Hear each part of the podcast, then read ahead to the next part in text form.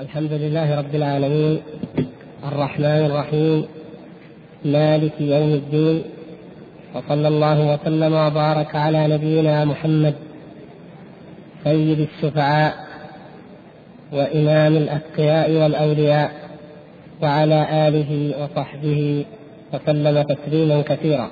أما بعد أيها الإخوة الكرام فتحدثنا فيما مضى من الدروس في موضوع التوسل وأنواعه وعن حكم كل نوع منها.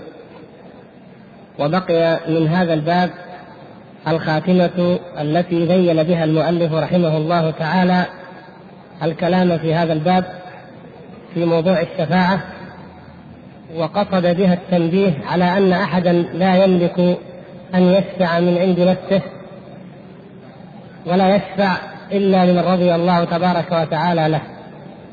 وهذا تأكيد لما سبق من ما سبق بيانه من شروط الشفاعة وأنها لا تتحقق إلا بتوفر شرطين. الأول إذن الله تبارك وتعالى للشافع والثاني رضا رضا الله تبارك وتعالى عن المشفوع له. من ذا الذي يشفع عنده إلا بإذنه.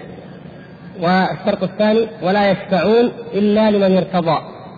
فالشيخ رحمه الله يؤكد هذا المعنى وبالذات على قضية أن النبي صلى الله عليه وسلم وهو سيد الشفعاء وهو الذي اختصه الله تبارك وتعالى بالمقام المحمود أنه لا يملك لنفسه ولا لأحد من الخلق نفعا ولا ضرا إلا ما شاء الله.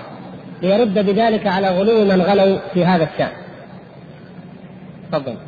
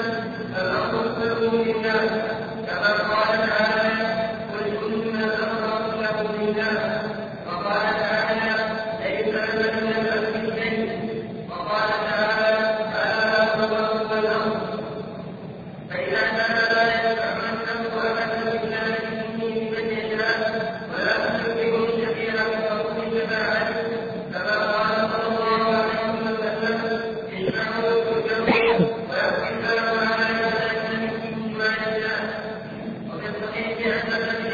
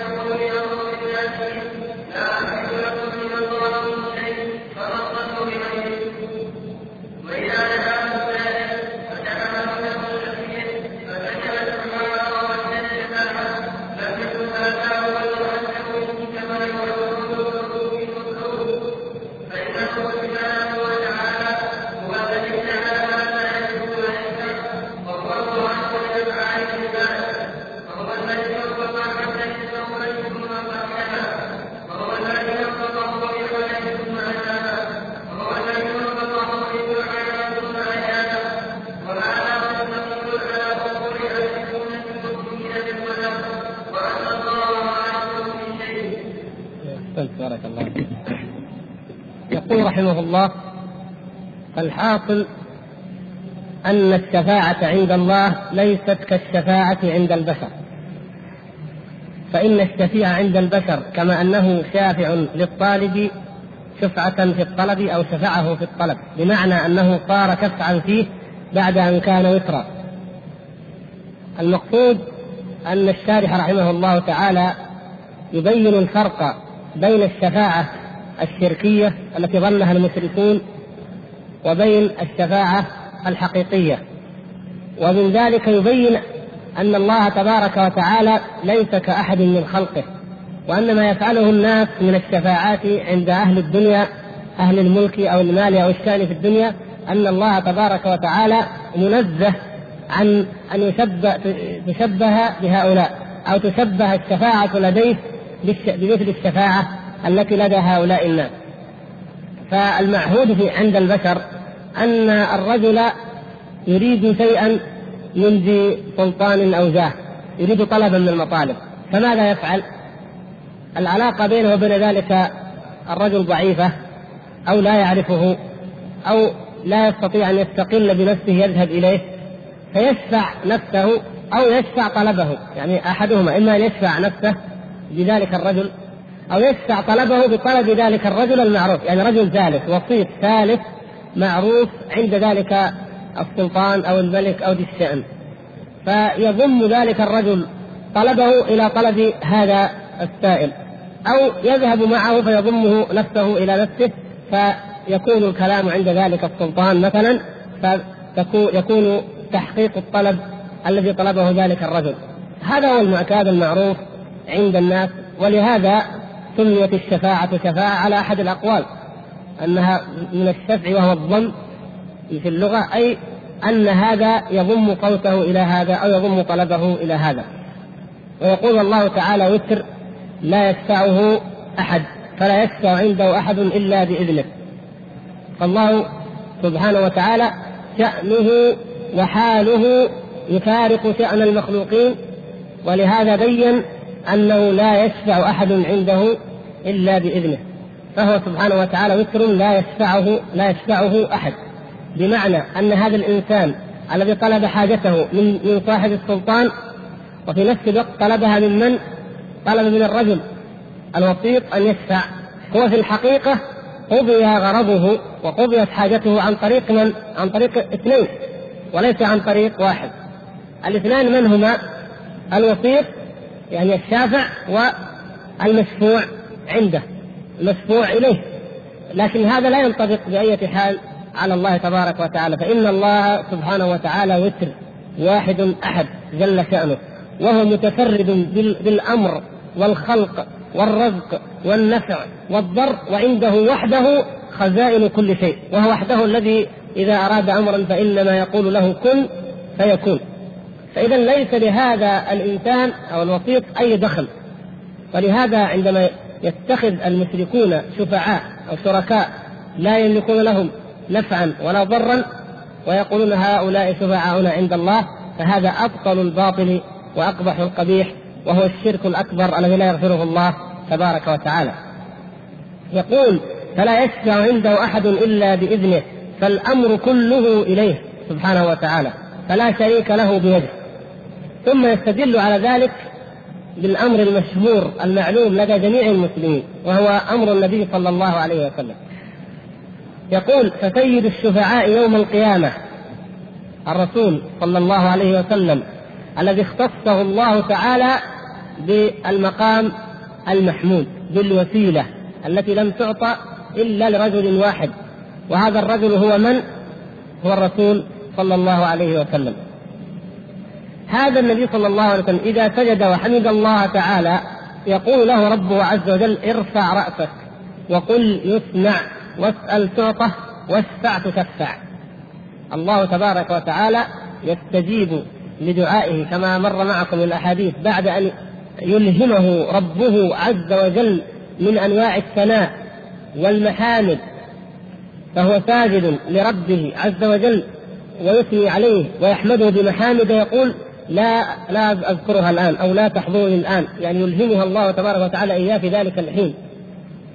هذا الثناء والحمد له تبارك وتعالى بعده يقول الله تعالى للنبي صلى الله عليه وسلم ارفع رأسك وسل وقل يسمع واسأل أو وسل تعطى واشفع تشفع. فهو يستأذن ربه عز وجل ويجيبه ربه تبارك وتعالى فيقول اشفع تشفع. فهو الذي أذن له. لا يملك من عند نفسه شيئا ولا أمرا أبدا بل جميع الأنبياء فضلا عن من عداهم أولو العزم يتراجعون عن الشفاعة. ويبقى من؟ يبقى رسول الله صلى الله عليه وسلم. الذي يتقدم ويقول أنا لها أنا لها ثم يكون منه السجود ثم يكون من ربه تعالى الإجابة فيقول له ذلك. اشفع تشفع. إذا لا أحد من الخلق يملك شيئا على الإطلاق. وهو صلى الله عليه وسلم بعد أن يؤذن له بالشفاعة يحد له حدا كما سبق. فيحد الله تبارك وتعالى له حدا من النار فيخرجهم بعد أن تكون الشفاعة العظمى التي سبق تفصيلها بعد أن يفضل الموقف بعد أن يدخل الجنة السبعون الألف ومن معهم سبعون الفا من الذين يدخلون الجنة بغير حساب ولا عذاب.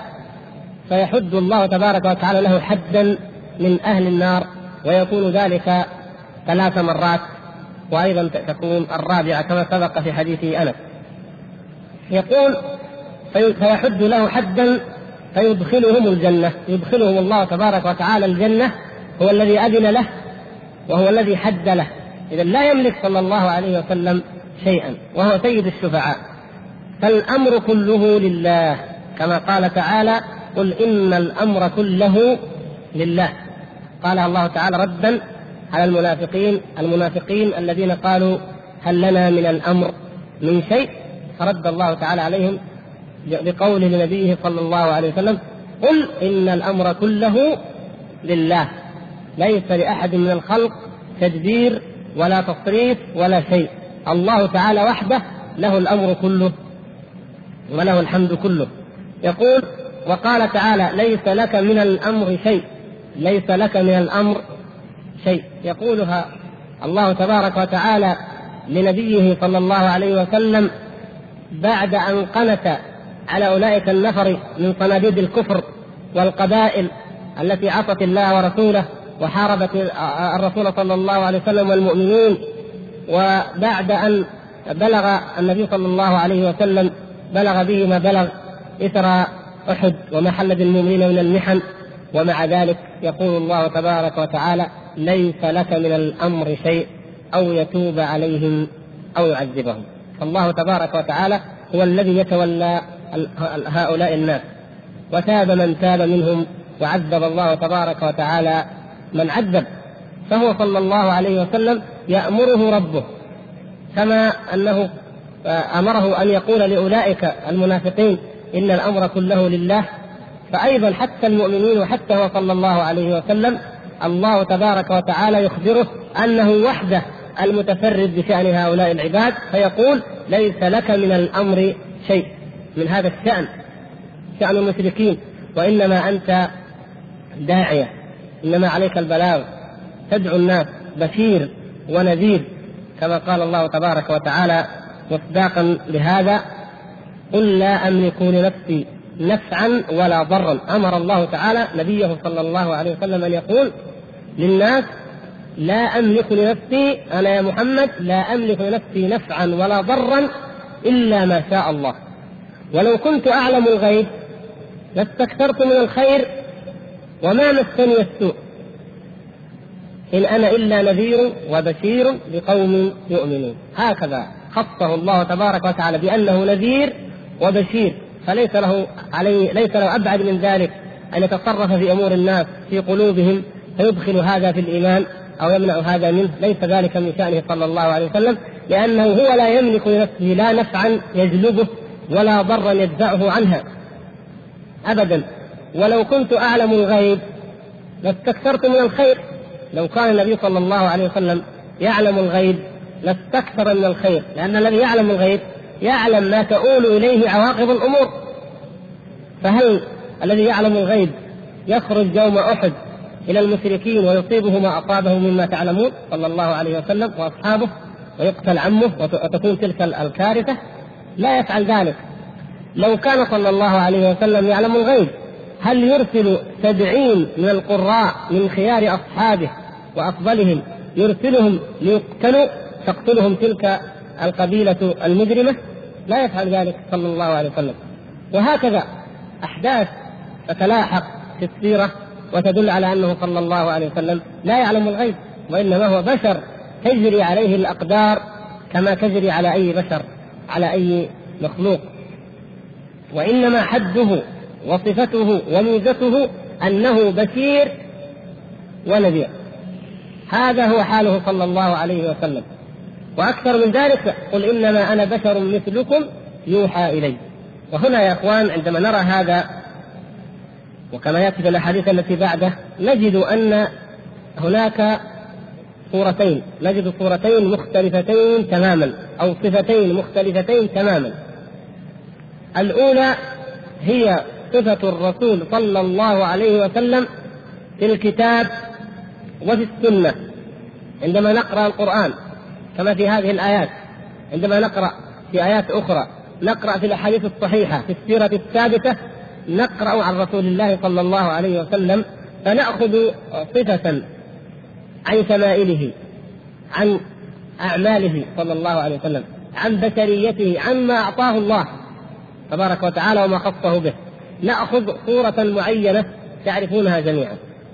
لكن هناك صورة أخرى وصفة أخرى من نسج الخيال شخصية أسطورية وهمية خيالية لا وجود لها ولا لصفتها لا في القرآن ولا في السنة ولا في الواقع وإنما هي من أوهام وخرافات الذين اخترعوا هذه الأوصاف التي لا أصل لها أين نجد هذا؟ عند من؟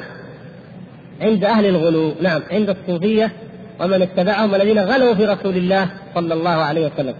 فنجد شيء كأننا أمام شخصيتين مختلفتين تماما. في الحالة الأولى نجد بشرا كسائر البشر تصيبه العوارض التي تصيب البشر بل قد يكون ما يصيبه صلى الله عليه وسلم من العوارض أشد كما ثبت في الحديث الصحيح أنه صلى الله عليه وسلم قال إن إني أوعك كما يوعك الرجلين الرجلان منكم يعني الحمى والوعك والمرض الذي يصيب النبي صلى الله عليه وسلم ضعف ما يصيب أي واحد منا كما يوعك الرجلان. وهذا لفضله صلى الله عليه وسلم وللتكثير من خطاياه ولرفع درجته صلى الله عليه وسلم عند ربه. فإذا بعض العوارض تصيبه صلى الله عليه وسلم أكثر من بقية البشر. هذا بشر. فنجده أنه يأكل يشرب ينام يتعب يفكر يهتم. يغم يدعو الله يتضرع إليه يتخذ الأسباب مثل سائر البشر. رغم أن الله تعالى خصه بهذه الميزة العظيمة وهي الرسالة وجعله صلى الله عليه وسلم سيد ولد آدم. هذا نجده واضحا جليا. لو انتقلنا إلى الصورة الأخرى التي يذكرها أولئك الصوفية ماذا نجد؟ مخلوق من النور موجود قبل المخلوقات بيده مقاليد السماوات والأرض يعلم الغيب ليس له كذا وليس له كذا غرائب لو تأملتموها تجدون هذا لا, لا يوجد لا يوجد في دنيا البشر ولا في عالم البشرية ابدا وليس له من كتاب الله ولا من سنة رسوله صلى الله عليه وسلم أصل يرجع إليه. وإنما الحال كما علمتم وتعلمون أن قوما أرادوا هدم الإسلام والطعن فيه عن طريق الغلو الذي اتخذوه في النصارى. كما فعل اليهود بعيسى عليه السلام فعل اليهود أيضا بهذه الأمة ولكن في من؟ في علي رضي الله تعالى عنه. فغلوا فيه حتى ادعوا في حياته أنه إله. مرت القرون وفضح هؤلاء القوم وحوربوا وتميزوا عن سائر الأمة الإسلامية حتى أصبحت الأمة من الواضح جدا أن يقال إن هذا سني وهذا شيعي يعني أصبحت كلمة السنة تعني من ليس شيعيا كأنهم اختصوا بمخالفة السنة مع أن المخالفين للسنة كثير. لكن الاختصاص يعني كأنهم اختصوا بذلك لاختصاصهم بمزيد البعد والخروج والغلو. فرأى الهدامون وأعداء الإسلام أنه لا بد من هدم عقيدة التوحيد والإيمان عند هؤلاء الذين هم أهل السنة. فاخترعوا هؤلاء الأقطاب والنقباء والنجباء وشيوخ التصوف ومن نفس المدخل من مدخل الغلو وحب النبي صلى الله عليه وسلم فألهوه صلى الله عليه وسلم رفعوه عن منزلة البشرية إلى منزلة الألوهية جعلوه ندا لله تبارك وتعالى يعلم الغيب كله حتى قالوا إنه يعلم متى تقوم الساعة وبيده مقاليد كل شيء ويقطع من أرض الجنة ما شاء عياذا بالله. أمور نعرضها على هذا على هذه الآيات وعلى هذه الأحاديث ليظهر لنا كذب هؤلاء. وإن زعموا ما زعموا من المحبة فإننا نحن الآن نعتقد أن كثيرا من النصارى الذين يزعمون أن عيسى إله ويسمونه الرب يسوع ويؤلفون الكتب في ذلك ويذهبون إلى غابات إفريقيا وآسيا ليدعو الناس ليدعو الناس إلى دينه أنهم صادقون مع أنفسهم في محبته. ما نقول أن هؤلاء كاذبون لا يحبون عيسى. لكن هذه محبة أفضت بهم إلى هذا الغلو وإلى الكفر وإلى الشرك. هل تنفعهم عند الله؟ هل يرضى بها عيسى نفسه عليه السلام؟ أبدا. فكذلك صلى الله عليه وسلم. النبي صلى الله عليه وسلم لم يرضى هذا الغلو بل نهى عنه. لا تطروني كما أطرت النصارى ابن مريم وإنما أنا عبد تقول عبد الله ورسوله. صلى الله عليه وسلم. نهى عن ذلك. وحذر منه وبين كما نجد في هذه الأحاديث أنه لا يملك شيئا. ولا لأحد من أقربائه. يقول الشيخ وقال الله تعالى ألا له الخلق والأمر. هو سبحانه وتعالى المتفرد بالخلق والأمر.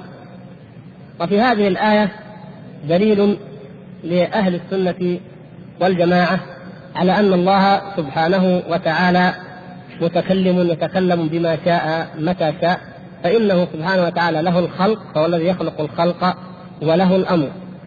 ومن ذلك مثلا كلمة كن فالله تعالى يتكلم بالأمر. فإذا قال كن فهذا أمره. فإذا كان ما أراد الله أن يكون فهذا خلقه. إذا أمر أن يخلق أي شيء فله الخلق وله الأمر.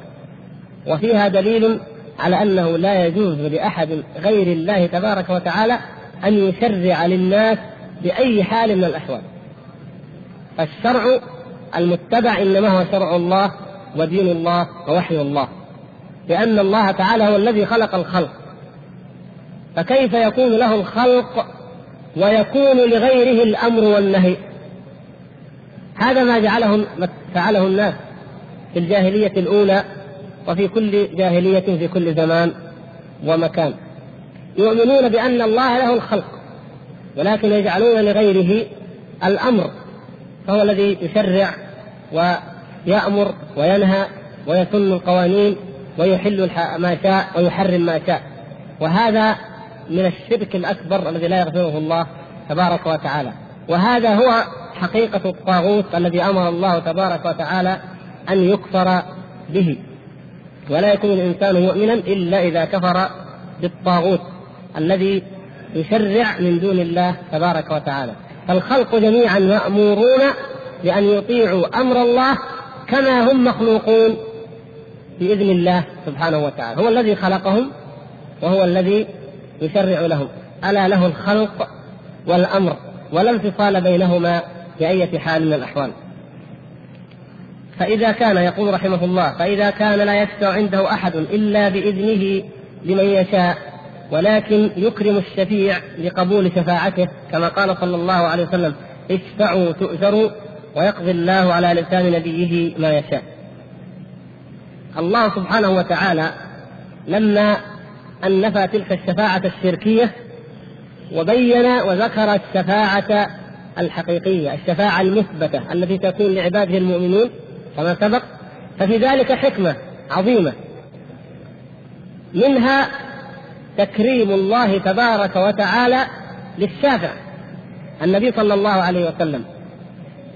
لما يشفع في الخلق أجمعين في الموقف ذلك اليوم الرهيب العظيم يشفع صلى الله عليه وسلم أن يفصل الله بين العباد في ذلك الموقف.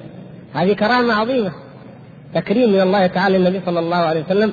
ولهذا لا ي... هذه الشفاعة خاصة به صلى الله عليه وسلم وحده وهي الشفاعة الكبرى كما سبق الخاصة به صلى الله عليه وسلم وحده. إذا شفع الله تبارك وتعالى الشهيد في أهل بيته هذا تكريم لمن؟ للشهيد. فالله تعالى يريد أن يظهر فضل الشهيد فيشفعه. إذا شفع الابن الصالح في أبيه أو الأب الصالح في ابنه فهذا من تكريم الله تعالى لذلك الشافع. فهذا الشافع له كرامة عند الله وأيضا حصل مع هذا التكريم له حصل الخير لمن للمشفوع له الذي الله تبارك وتعالى راض عنه وتفضل عليه بقبول الشفاعة فالأمر كله إذا لمن؟ لله سبحانه وتعالى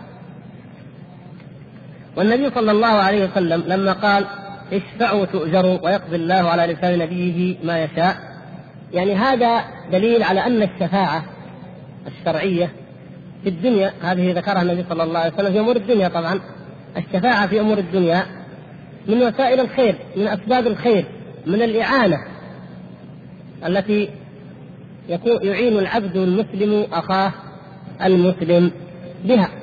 فإذا شفع يؤجر على هذه الشفاعة ويقضي الله تبارك وتعالى ما يشاء. فلا يخسر ذلك الشافع الشافع له أجر أنه شفع. ثم إن تحقق المراد فذلك ما يبغي. وإن لم يتحقق كان له أجر الشفاعة. كما قال الله تبارك وتعالى من يشفع شفاعة حسنة يكن له نصيب منها. ومن يشفع شفاعة سيئة فأيضا يكون له نصيب منها كفل منها. يعني عليه آه، كفل وزر إذا شفع شفاعة سيئة. وله أجر إذا شفع شفاعة حسنة الإنسان الشفاعة في ذاتها في الشفاعة المباحة المحمودة هذه آه، أو الدنيوية الشفاعة الدنيوية إن كانت في المباح المحمود فصاحبها مأجور. كأن تشفع في أمر مباح ليعان إنسان على قضاء حاجة من حوائج الدنيا لما ينفعه الله تعالى بها في دينه أو في دنياه وما فيه خير ومصلحة لأي آه، إنسان من المخلوقين. فلك في ذلك الأجر. فإذا عرفت أن لشفاعتك وأن لوساطتك شأن عند من لديه شأن أمر من الأمور تنفع بها مسلما أو تعينه على تحقيق أمر من أمور الخير فلك في ذلك أجر من الله تبارك وتعالى. ويكون الكفل ويكون الغرام والوزر على من يشفع شفاعة سيئة أي الذي يعين على باطل أو على إثم أو على شر أو قطيعة رحم عافانا الله وإياكم من ذلك. هذا بالنسبة في الدنيا. في الآخرة يقول وفي الصحيح أن النبي صلى الله عليه وسلم قال يا بني عبد مناف لا أملك لكم من الله شيئا. النبي صلى الله عليه وسلم نادى هؤلاء نادى أقرباءه وقال لهم وناداهم بهذا يا بني عبد مناف لا أملك لكم من الله شيئا. يا صفية يا عمة رسول الله صلى الله عليه وسلم لا أملك لك من الله شيئا. يا عباس عم رسول الله صلى الله عليه وسلم لا أملك لك من الله شيئا. فالنبي صلى الله عليه وسلم أخي على طريق الحق. هنا منتصف الشريف. لا أملك لك من الله شيئا. أي في في فيما عند الله فلا يأتي أحد يوم القيامة معتمدا على نسبه فقط. لم يعمل عملا صالحا. ولو كان ذلك الإنسان هو فاطمة بنت محمد صلى الله عليه وسلم. الأمر أعظم من الأنساب. الله سبحانه وتعالى ليس بينه وبين أحد من الخلق نسب ولا يجعل النسب وحده هو الذي يدخل الناس الجنة أو يبعدهم عن النار. وقبل ذلك قال الخليل إبراهيم عليه السلام لما أن أتم الكلمات وإذ ابتلى إبراهيم ربه بكلمات فأتمهن قال إني جاعلك للناس إماما. أكرمه الله ومن الله تعالى عليه فجعله إماما للناس. ففي هذه الحالة من التكريم أن أن رجلا يصطفيه الله ويجعله إماما للناس إبراهيم عليه السلام أراد الخير لمن؟ لذريته. قال ومن ذريتي. أي تبقى الإمامة في ذريتي. قال لا ينال عهد الظالمين. عهد الله لا ينال الظالمين. وكرامة الله لا تنال المجرمين والآثمين وإن كانوا أبناء الأنبياء والمرسلين. فلا بد من عمل صالح يعمله الإنسان. وليس لم يكن هنالك من نفر أعز على النبي صلى الله عليه وسلم ممن لم يعمل صالحا من عمه أبي طالب. ما كان هناك أحد أعز على النبي صلى الله عليه وسلم منه. الذي حمى الدعوة ونصرها وأيدها وحصر معه صلى الله عليه وسلم في الشعب وتحمل الأذى كل ذلك من أجل النبي صلى الله عليه وسلم. ومع ذلك فالنبي صلى الله عليه وسلم لم يأذن له ربه أن يستغفر له. بل أنزل الله تبارك وتعالى عليه إنك لا تهدي من أحببت ولكن الله يهدي من يشاء. فحينئذ يأس النبي صلى الله عليه وسلم من شأن عمه وإنما أذن له ربه عز وجل في أن يشفع له الشفاعة التي سبقت وهي أن يكون في ضحضاح من النار له شراكان من النار يغلي منهما دماغه وهو يظن أنه أشد أهل النار عذابا وهو أهونهم عذابا عافانا الله وإياكم من ذلك. أما أن يدخل الجنة فلا. وهذه خاصة بأبي طالب وحده دون غيره من الناس أيضا. فالأمر ليس أمر شفاعة أو نسب مجرد وإنما هو عمل صالح يفعله الإنسان ورضا من الله يرضى الله تبارك وتعالى عنه أن يشفع له. وفي الصحيح أيضا يقول أو في الصحيحين عن النبي صلى الله عليه وسلم قال لا ألفين أحدكم يأتي يوم القيامة على رقبته بعير له رغاء أو شاة لها يعار أو رقاع تخفق فيقول أغثني أغثني فأقول قد أبلغتك لا أملك لك من الله من شيء. هذا المال يا إخوان سواء كان الإنسان إذا أخذ الإنسان من الغلول الغلول أن يأخذ الإنسان من بيت مال المسلمين من الحق العام ما لا يجوز له. وما كان لنبي أن يغل وفي قراءة وما كان لنبي ان يغل ومن يغلل يأتي بما غل يوم القيامة. فلو أن أحدا أخذ من الفيء من المال العام للمسلمين شيئا أخذ شاة أخذ بعيرا أخذ مالا أخذ كساء كل ما يأخذه الإنسان من بيت مال المسلمين من المال العام ويستحله لنفسه دون الناس فإنه يأتي يوم القيامة وهو يحمل ذلك على رقبته. نسأل الله العفو والعافية. هذا الذي تهاون فيه كثير من الناس. الا من رحم الله. تهاونوا في الأمر العام وفي المال العام وفي الحق العام فأصبحوا يرون أنه مباح وأنه حلال ولا شيء فيه. والنبي صلى الله عليه وسلم يقول لهؤلاء إذا جاءه يوم القيامة ويقول يا رسول الله أغثني أي أنزل عني هذا الحمل هذا الثقل الذي على ظهري فيقول صلى الله عليه وسلم قد أبلغتك لا أملك لك من الله من شيء. لا يملك شيء قد أبلغك. وتعلمون الرجل الذي كان مولى لرسول الله صلى الله عليه وسلم الذي غل. وماذا غل؟ غل شملة ملحفة لحاف. ويقول صلى الله عليه وسلم الذي نفسي بيده إنها لتغلي عليه نارا. نعوذ بالله. ملحفة شملة. يمكن لا تساوي شيء. غلها فهي تغلي عليه نارا رغم أنه خرج وجاهد مع رسول الله صلى الله عليه وسلم ومع ذلك يعذب فيعاقب بها.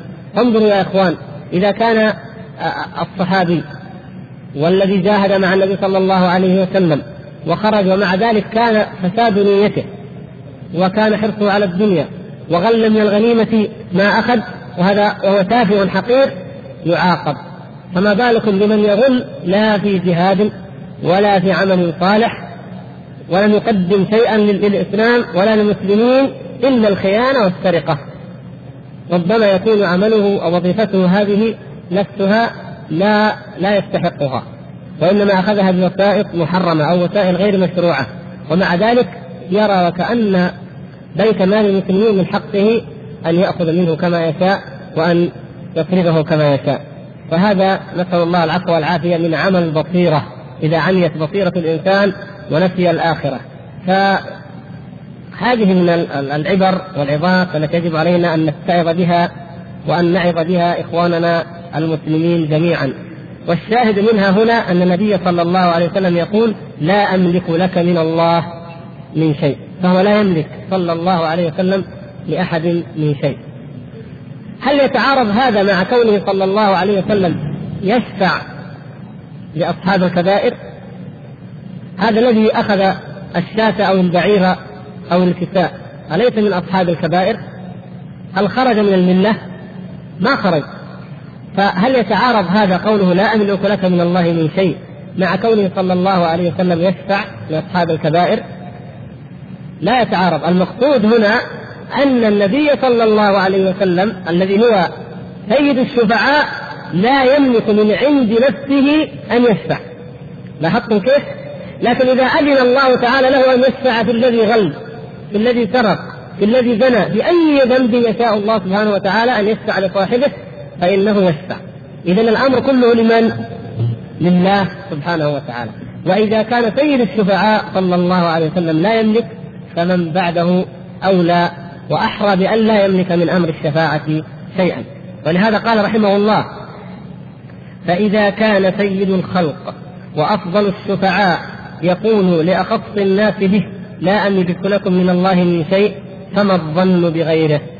نعم ما ظنكم بغيره وإن كان صالحا أو شهيدا أو برا أو تقيا ولكن لا أحد في منزلة رسول الله صلى الله عليه وسلم ولا يمكن أبدا أن يملك أحد عند الله ما لا يملك رسول الله صلى الله عليه وسلم. ثم يقول رحمه الله وإذا دعاه الداعي وشفع عنده الشفيع فسمع الدعاء وقبل الشفاعة لم يكن هذا هو المؤثر فيه كما يؤثر المخلوق في المخلوق فإنه سبحانه وتعالى هو الذي جعل هذا يدعو ويشفع كيف هذا؟ الله سبحانه وتعالى مما يختلف شأنه عز وجل عن عن شأن غيره عن شأن المخلوقين والعالمين جميعا أنه سبحانه وتعالى هو الذي خلق الأسباب. وأما غيره فهو من الأسباب. هذا معنى هذه الفقرة. العالمون الناس كلهم أسباب. وأما الله سبحانه وتعالى فهو خالق الأسباب وموجد الأسباب. فإذا تسبب مخلوق لك فنلت خيرا. فهذا الفضل لمن؟ لله سبحانه وتعالى.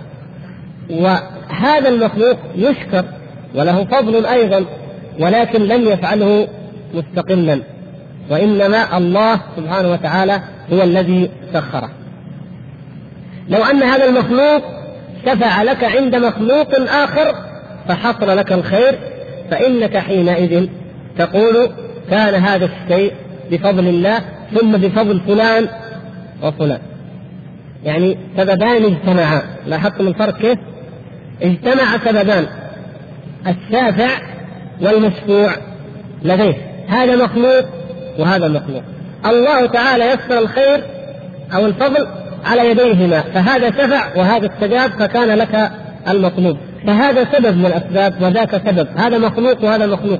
لا يملكان من الله من دون الله تعالى شيئا ولكن هما سببان من الأسباب المخلوقة. اثر هذا في هذا الشافع الوسيط المتوسط اثر في صاحب المال أو الجاه أو الشان الذي أعطاك وقضى لك ما أراد الله من الحاجات. فهذا اثر في هذا سبب اثر في سبب مخلوق اثر في مخلوق. لكن بالنسبة لله تبارك وتعالى لا. الحال يختلف. الله تعالى هو الذي خلق الأسباب. وأوجدها وأمرنا أن نتخذها سبحانه وتعالى. فالدعاء سبب من الأسباب فإذا دعونا الله سبحانه وتعالى فلا يعني هذا أن دعاءنا وسؤالنا هو مثل ما نسأل مخلوقا أو نطلبه فيعطينا ويمن علينا أو يكرمنا بأمر لا. الله تبارك وتعالى فضله أعظم من ذلك. الله سبحانه هو الذي أمرنا بالدعاء. وهو الذي ألهمنا الدعاء. وهو الذي استجاب الدعاء وحقق لنا المراد. الله تعالى فضله أعظم من كل ذي فضل. فهو الذي خلق هذا السبب وأصل هذا السبب كله من فضله سبحانه وتعالى. وكذلك الشفاعة. إذا شفع عند الله تعالى نبي رسول ملك عبد صالح فهذا ليس كما يؤثر المخلوق في المخلوق بل الله تبارك وتعالى هو الذي خلق هذا الشافع وهو الذي كرمه وجعل شفاعته مقبولة عنده وهو الذي أذن له أن يشفع في فلان. وهو الذي رضي عن هذا المشفوع له وجعله ممن هو من أهل الشفاعة. إذا الأمر كله لمن؟ لله سبحانه وتعالى. فنتيجة لذلك نعرف أن باب الشفاعة من أعظم الأبواب التي نتعرف بها على حقيقة التوحيد حقيقة توحيد الله سبحانه وتعالى وتفرده بالألوهية لأن الدعاء هو العبادة. فتوحيد العبادة وتوحيد الألوهية يعرف عندما نعرف حقيقة الشفاعة والمرضية منها والممنوع المذموم المنفي منها والمثبت. ثم يتطرق الشارح رحمه الله تعالى إلى مسألة من مسائل القضاء والقدر. لها علاقة بموضوع القدر. فيقول وهو الخالق لأفعال العباد فهو الذي وفق العبد للتوبة ثم قبلها وهو الذي وفقه للعمل ثم أتابه وهو الذي وفقه للدعاء ثم أجابه. وهذا مستقيم على أصول أهل السنة المؤمنين بالقدر وأن الله خالق كل شيء. القدر يا إخوان الإيمان بالقدر له أربعة مراتب. سنذكرها إن شاء الله تفصيلا فيما بعد لكن نوجزها الآن.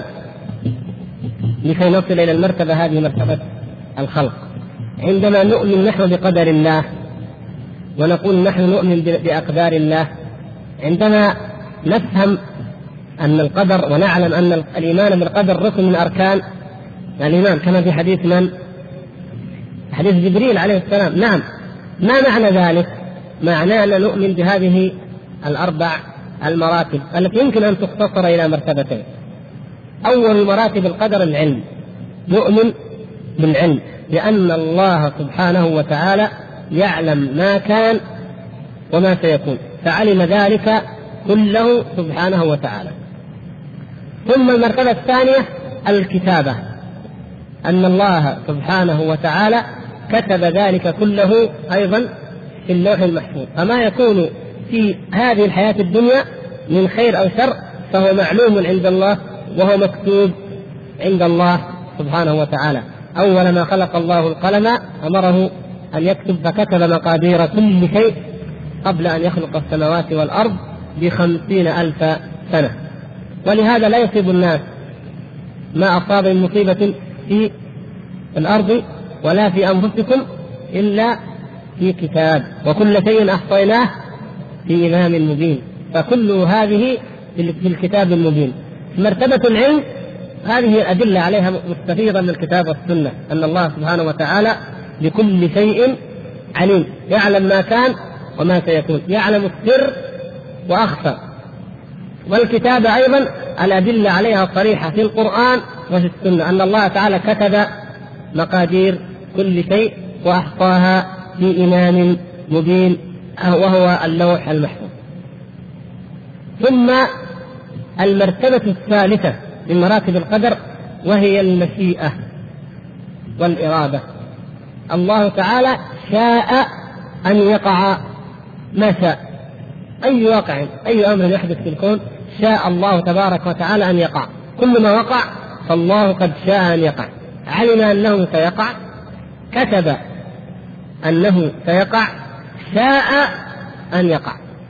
فلا يمكن أن يقع في الكون ولا يقع في خلقه ما لم يشأ سبحانه وتعالى. أبدا لا يمكن. من خير أو شر نعم شاءها الله تبارك وتعالى. ولكن الشر شاء وقوعه ولم يرضى به ولا يرضى به ولا يرضى لعباده الكفر. والخير شاءه ورضي به. المرتبة الرابعة مرتبة الخلق. الخلق والإيجاد وأن الله سبحانه وتعالى إذا أراد إذا وقع أمر من الأمور نعلم حسب هذه الدرجات الأربع أن الله علمه مثلا فلان من الناس صلى نأخذ فعل من أفعال العباد صلى. علم الله تعالى أنه سيصلي قبل أن يخلقه قبل أن يخلق السماوات والأرض. هذا هذا مرتبة العلم. كتب الله تبارك وتعالى أنه سيصلي. شاء الله تبارك وتعالى أن يصلي. آخر شيء الخلق والإيجاد خلق الله تبارك وتعالى في هذا العبد هذا الفعل. والله خلقكم وما تعملون فهو الذي خلق هذا العمل. والعبد فاعل لذلك العمل. فالله سبحانه وتعالى الخالق والعبد هو الفاعل. هذا مذهب أهل السنة والجماعة. يقرر المسألة بوضوح. فلا خالق إلا الله. الله خالق كل شيء. والله خلقكم وما تعملون. سبحانه وتعالى. الذين خالفوا من القدرية الذين أنكروا القدر وكذبوا أقدار الله أول ما خالفوا فيه أول ما خالفوا خالفوا في المرتبة الاولى الأخيرة المرتبة الرابعة وهي مرتبة الخلق. ولهذا نجد الإمام أحمد رحمه الله تعالى قال عبارة عظيمة في حق القدرية. من يذكر هذه العبارة؟ كيف نناظر القدرية؟ كيف نجادلهم؟ نعم أيوه. قال ناظر القدرية بالعلم. فان فإن أقروا به خصموا. نعم وإن أنكروه كفروا. شفتوا كيف؟ الإمام أحمد رحمه الله. يعني دقة الفهم في كلام السلف الصالح. ناظر القدرية بالعلم. الذين ينكرون الأقدار ناظروهم بإيش؟ بالعلم. احفظوا هذه القاعدة يا أخوان. كل واحد منكم إن استطاع أن يكتبها ويحفظها ويستخدمها. أي إنسان يفكر في معرفة الأقدار أو يجادل ناظره بالعلم. ناظر القدرية بالعلم. تعال. هل يعلم الله سبحانه وتعالى أن هذا الفعل سيقع؟ فان اقروا به خصموا إذا قال نعم الله تعالى يعلم ذلك. يمسكوا طيب. علمه. ما المانع أن يكون كتبه؟ ما في مانع. علمه كتبه. إيش المانع؟ طيب شاءه. علم هذا الشيء وكتبه وشاءه. إيش المانع؟ يقول لك ما في مانع. طيب خلقه. هذه التي ينكره. لا العبد هو الذي يفعل. إذ يخلق من عند نفسه نقول لا. علمه كتبه شاءه. اذا هو الذي خلقه. أما انك تقول أن الله علمه وكتبه وشاءه والعبد خلقه هذه لا يقرها عقل سليم. فإذا أقروا بالعلم خصموا وألزموا وأفهموا طيب ما أقر بالعلم؟ بدل ما تجادل أنت وياه في الفعل هل هذا الذي خلق الفعل؟ العبد خلق الفعل وإلا الله خلق الفعل؟ نقول خلينا نتناقش في شيء واضح. دليله واضح جلي. وليس فيه إشكال. ولا يحتمل التأويل. هل تقر يا رجل أن الله تعالى يعلم كل شيء؟ فإذا قال لا كفر. لاحظتم كيف؟ إذا قال لا إذا لم يقر بأن الله يعلم كل شيء كفر. فيكفر لا لأنه أنكر الخلق وقال إن العبد يخلق فعل نفسه. لأن المسألة تشتبه تحتمل. لكن يكفر بشيء واضح يعلم العالم والجاهل من المسلمين أن من قاله يكفر وهو أن أن يدعي أن الله لا يعلم الغيب ولا يعلم ما كان ولا يعلم ما سيكون وهذه من بديهيات عند جميع المؤمنين أن الله سبحانه وتعالى يعلم ما كان وما سيكون سبحانه وتعالى وأنه متفرد بذلك العلم. فعلى مذهب أهل السنة والجماعة هذا الذي فيه الإقرار بأن الله تعالى هو خالق كل شيء وهو الذي خلق أفعال العباد يتجلى لنا حقيقة عظيمة التي يريدها الشيخ هنا حقيقة التوحيد وأنه لا شأن لأحد ولا فضل لأحد إلا من بعد فضل الله سبحانه وتعالى. فهو الذي أعطاك خلقك اولا ثم أعطاك الهداية ووفقك للعمل الصالح وللدعاء المستجاب وأجابك على الدعاء واثابك على العمل الصالح وهو الذي خلق هذا العمل فيك وأعطاك القدرة عليه ثم هو بعد ذلك يمتن عليك بالجنة وبالنعيم وبالكرامة جزاء لك على هذا العمل فالفضل كله من أول الأمر إلى آخره لمن؟ لله سبحانه وتعالى ولهذا يا إخوان كما تجدون في سورة الفاتحة نقول إياك نعبد وإياك نستعين. فلا يكفي أننا نعبد الله وحده بل نقر بأن نعبدك وحدك يا رب إياك يعني وحدك مختصا بذلك. نعبد وإياك نستعين. كما قال الله تبارك وتعالى قل هو الرحمن آمنا به وعليه توكلنا. آمنا به إياك نعبد. وعليه توكلنا إياك نستعين. فالعبد في الحالين لا يملك شيئا. فالعبادة لله وحده والاستعانة على أداء هذه العبادة وتحقيق هذه الغاية هي عند من؟ عند الله تبارك وتعالى. وتطلب من الله تبارك وتعالى وحده.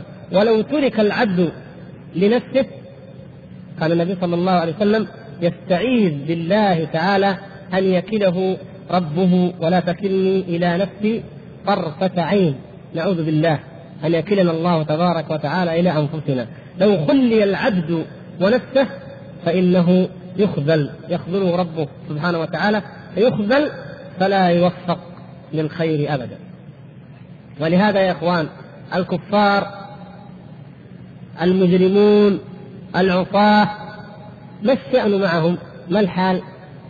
لم يوفقوا الله سبحانه وتعالى لم يظلمهم ابدا بل بين لهم الحق وانار لهم الطريق لكن لم يوفقهم لسلوك العمل الصالح جزاء لهم جزاء لهم على أعمالهم على ما استحقوا ولا يظلم ربك أحدا. غاية ما في الأمر أنه تعالى لم يوفقهم للخير فسلكوا طريق الشر فقامت عليهم الحجة فازدادوا كفرا وكلما ظهرت الدلائل القوية المؤكدة لهم أنهم على باطل وعلى كفر ازدادوا كفرا وعتوا وجبروتا كما حصل لقوم فرعون ولكفار قريش ولكل المكذبين الجاحدين في كل زمان ومكان. لما تخلى عنهم توفيق الله سبحانه وتعالى. ولهذا يجب علينا أن نسأل الله سبحانه وتعالى دائما أن يوفقنا لما يحب ويرضى.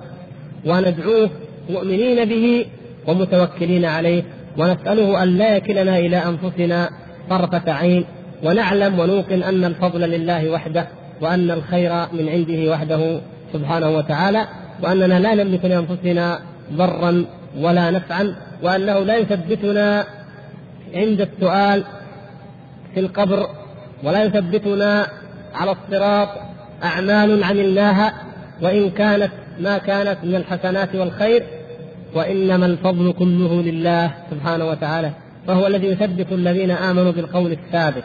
عند السؤال عند سؤال الملكين وهو سبحانه وتعالى الذي يمن عليهم بأن يجوزوا الصراط وهو جل شأنه الذي يدخلهم الجنة بفضله تعالى وكرمه وإلا فإنه كما قال صلى الله عليه وسلم لن يدخل أحد الجنة بعمله. أبدا. قالوا ولا أنت يا رسول الله؟ قال ولا أنا. إلا أن يتغمدني الله برحمته سبحانه وتعالى. الخير كله إليه سبحانه وتعالى. والفضل كله إليه ومنه جل شأنه وهو الذي عنده خزائن كل شيء. ونسأل الله سبحانه وتعالى أن يمن علينا وعليكم بتوفيقه وفضله إنه على كل شيء قدير. وبهذا نكون أيها الإخوان قد أكملنا الباب المتعلق بالشفاعة وما تبعه من الاستطراد في مسألة التوسل بإذن الله سبحانه وتعالى في الدرس القادم. ننتقل إلى موضوع الميثاق الذي أخذه الله تعالى. وهذا الميثاق له علاقة بمباحث القدر ومباحث الفطرة. نسأل الله سبحانه وتعالى أن يعيننا وأن يمن, علينا.